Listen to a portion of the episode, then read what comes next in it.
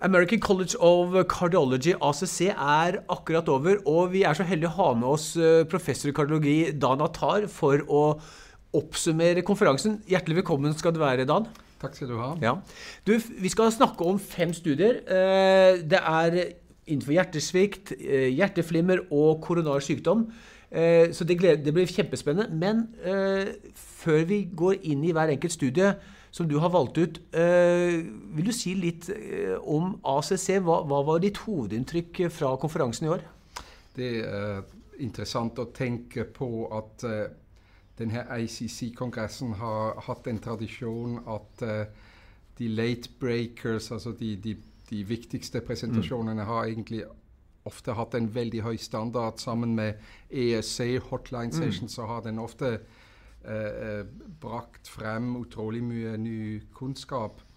Men i år har det vært litt grann tynnere, er mm. mitt inntrykk. Og det skyldes selvfølgelig bl.a. At, at hele kongressen var jo stengt ja. og var bare virtuelt. Og det, det, tror jeg det blir bare slik på ja. den vis. Så det er mindre store gjennombrudd, men fem viktige studier vi har her på bordet. Ja, Skal vi bare hoppe i det, Dan? Eh, vi skal starte med den første studien som du har valgt ut, er Paradise MI.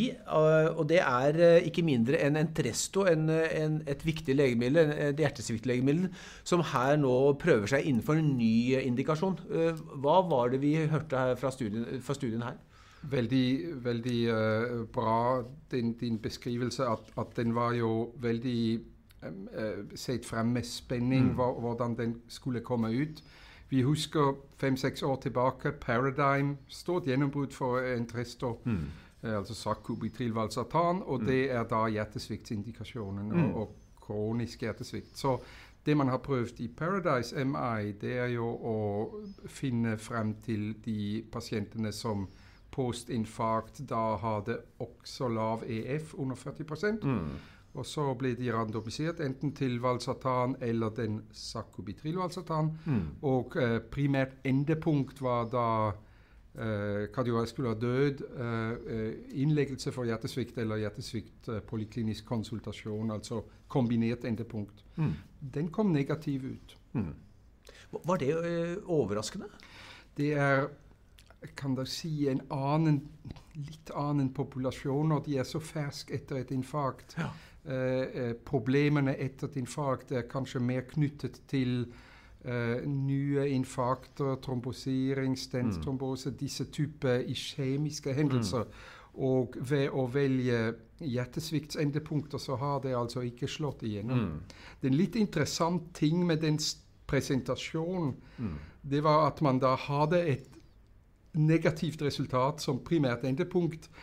Men så har altså eh, dr. Pfeffer valgt å presentere også det som heter Investigator reported, mm. primært endepunkt. Og det er mm. veldig uvanlig. Mm. Den kom da positiv ut, men altså, det kan man ikke riktig ta inn over seg, fordi hvorfor, hvorfor lager man et, en, en, en, adjudication, altså en sikring av diagnosene, mm. med en egen komité, når man så når man da plutselig går over og rapporterer det som investigators har funnet. Så, så studien er og forblir negativ. Ja, ikke sant.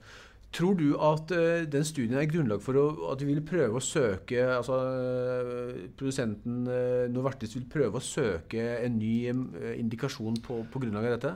Trolig skal de ikke gjøre det og, og, begrense seg til det som er hjertesviktsindikasjonen, ja. og da kronisk hjertesvikt. Ja.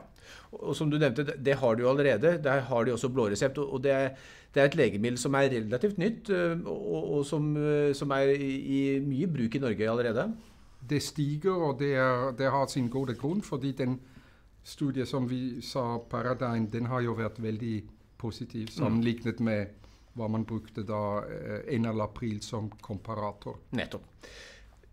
Vi skal gå over til den neste studien, eh, live-studien. Også den på Entresto, eh, interessant nok. Og der var det også et en ikke-signifikant resultat. Ja, og, og, og Leif-studien er da ikke så stor. Den har da valgt sekunde, altså et type surrogatendepunktmåling surrogat-endepunktmåling av NT-på-BNP. Mm. Og, og, da har man tenkt at ved en akutt hjertesviktspopulasjon, mm.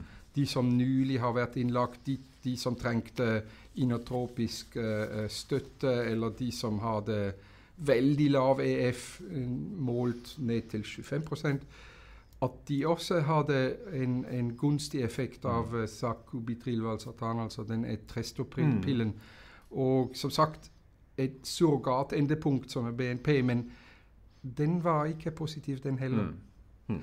Og Det er jo interessant, fordi da kan man si det på en måte to ganger mageplask for samme medisin. Mm.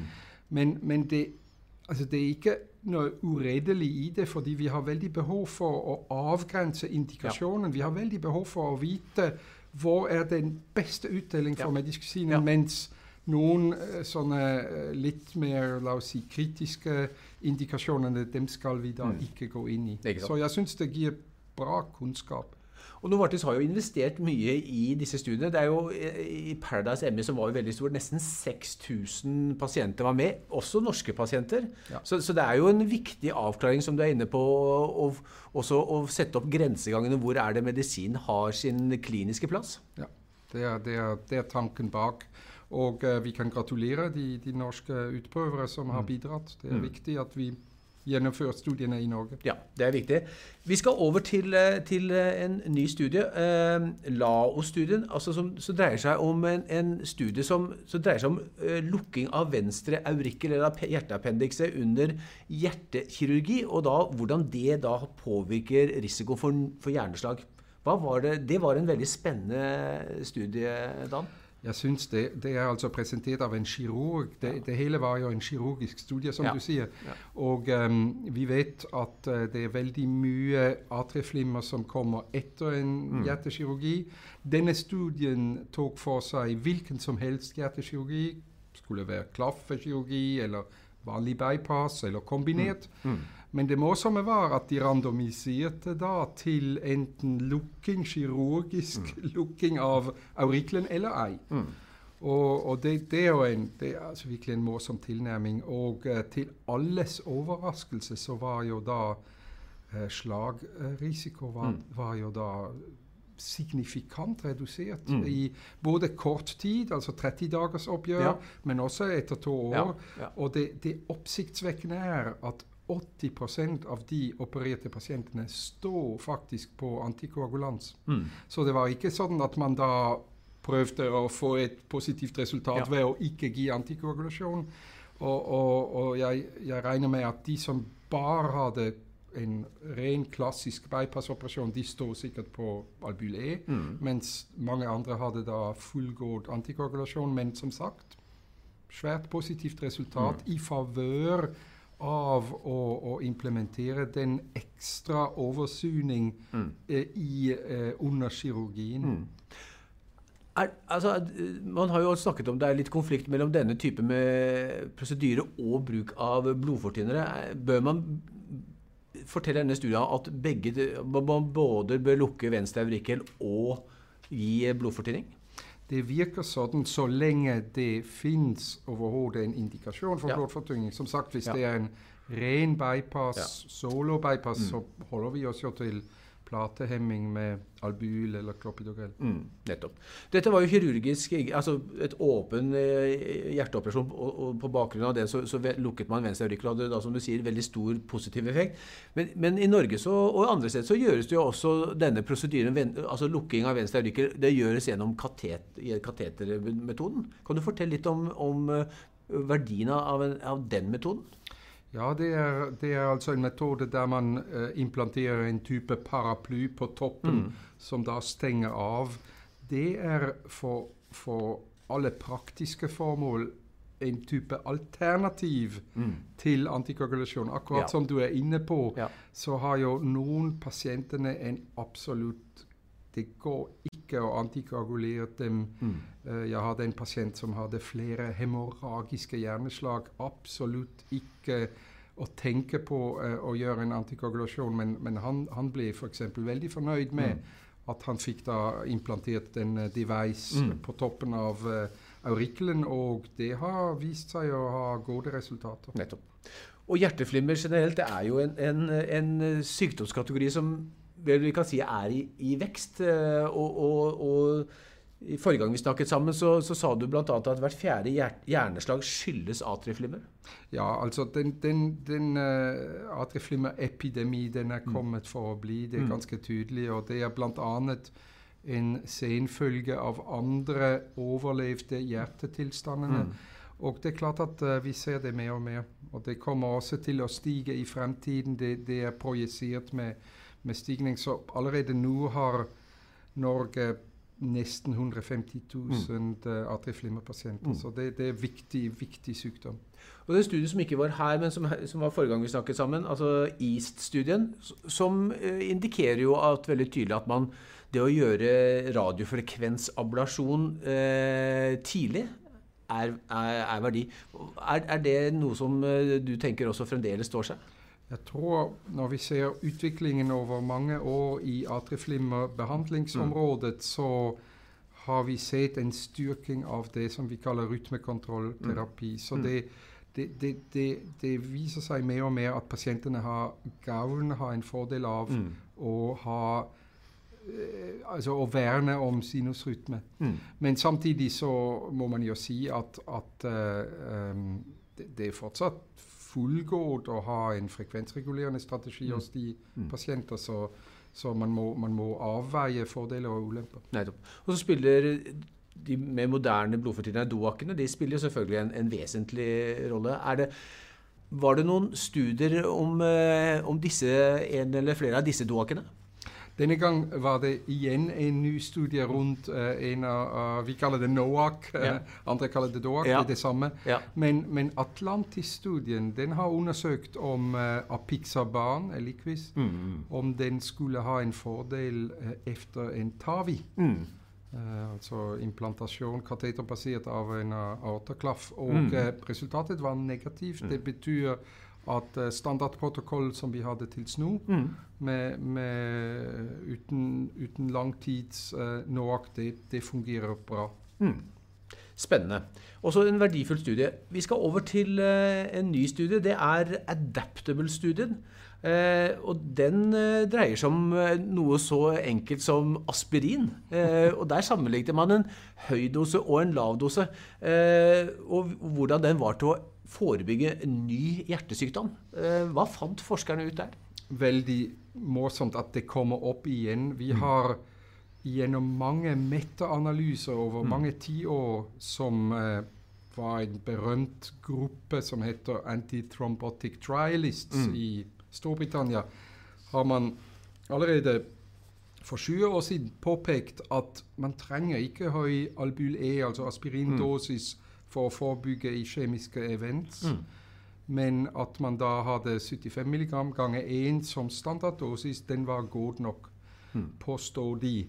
Og akkurat det ble testet nå med den studien, og da har man faktisk gjort full randomisering. Den ene dosis var 325 mg. Du husker kanskje at vi også brukte det i Norge mm. på et tidspunkt. Og f.eks. alle som kom, alle pasienter etter en bypassoperasjon hadde på et tidspunkt rutinemessig 325 mg istedenfor 75. Mm. Så det var den ene arm. Og den andre randomiserte arm var da 81 mg. Det er omtrent som 75 i Europa. Mm. Og uh, hva viser det? Det viser da at den var helt like god for å forebygge kjemiske events. Mm. Og det er jo en veldig betrykkende ting at nå har vi det til og med prospektivt, mm. randomisert, mm. og vet at, at, det er en fordel å ha det lavdosert. Ja. Så, så for, for, leger som lytter på nå, og, og har pasienter som går på, på høy eller lav dose, iallfall de som står på lav dose, kan trygt fortsette med det. Trygt fortsette, og de andre kan godt skiftes. Ja. Uh, switche. Vi, vi, har jo gjort det i lang tid. at mm. vi at vi tok dem ned fra 325 og, og satte dem på 75. Mm. Det, det, det, beskytter. En annen ting med denne studien som, som, var jo veldig interessant For her er det jo ikke noe legemiddelselskap som finansierer eh, denne type legemidler, som har gått av patent for eh, vel 50-60 år siden. Det er en av de første legemidlene som kom eh, fra, fra Bayer. Men, men, her var det 15 000 pasienter, og de ble rekruttert digitalt. De kjøpte sitt egne medisiner, altså sitt aspirin eller Albylé. Og de logget selv eh, hvordan de tok dette legemiddelet. Eh, det er jo interessant. Det er jo litt annerledes enn en, normal drift av en, hvis man kan bruke det ordet, av en klinisk studie.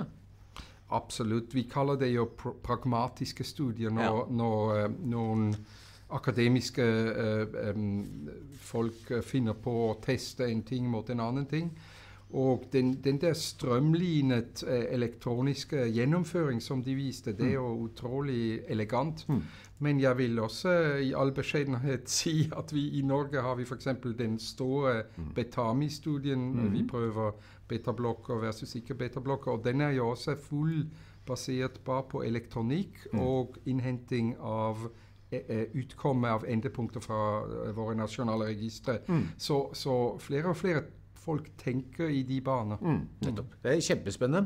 Eh, helt på tampen, Dan. Eh, vi slutter av med en eh, liten blomst. Eh, Flower-studien. Flower, flower MI, ja. ja, ikke sant? Det, det dreier seg om eh, PCI, altså utblokking av eh, tra trange områder i hjertets kransearterier. Eh, hva var det du noterte der? Ja, den kom fra Frankrike. Veldig dyktige folk, in, in, invasive folk som gjorde flower MI.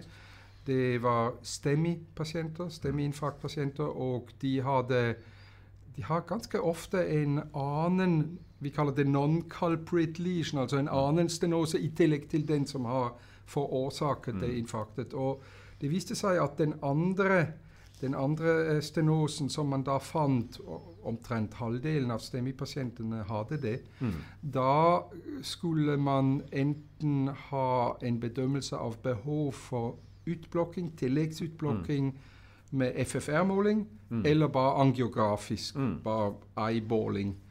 Det viste seg eh, at det var like godt å bare gjøre sånn eyeballing, ikke gjøre kompliserte eh, eh, gradient- eller FFR-målinger, eh, som jo da både forlenger prosedyren og, for, og, og forhøyer prisen. Så, så det var veldig eh, interessant å se at det fungerer fint å bare basere den beslutning på det angiografiske resultat, og, og gjennomføre en, en ny PCI på den non-culprit lesion eller ikke. Før vi helt eh, runder av, så må vi også nevne eh, Prada-studien, som er jo en helnorsk eh, studie på Ahus.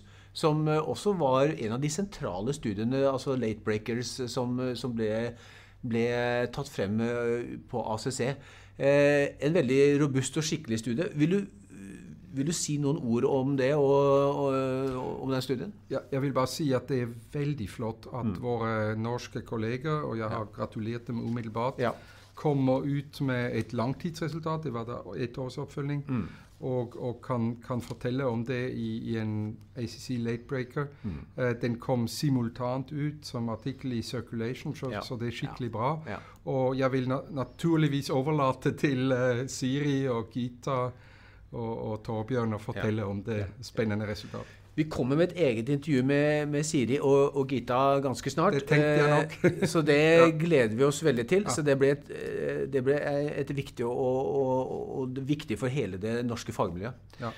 Eh, Dan hjertelig tusen takk for at du ville summere opp eh, ACC for oss. Eh, Veldig spennende. Vi, vi ses snart igjen. Det blir flere spennende hjertekonferanser fremover. Det kommer. Takk skal du ha. Takk for intervjuet.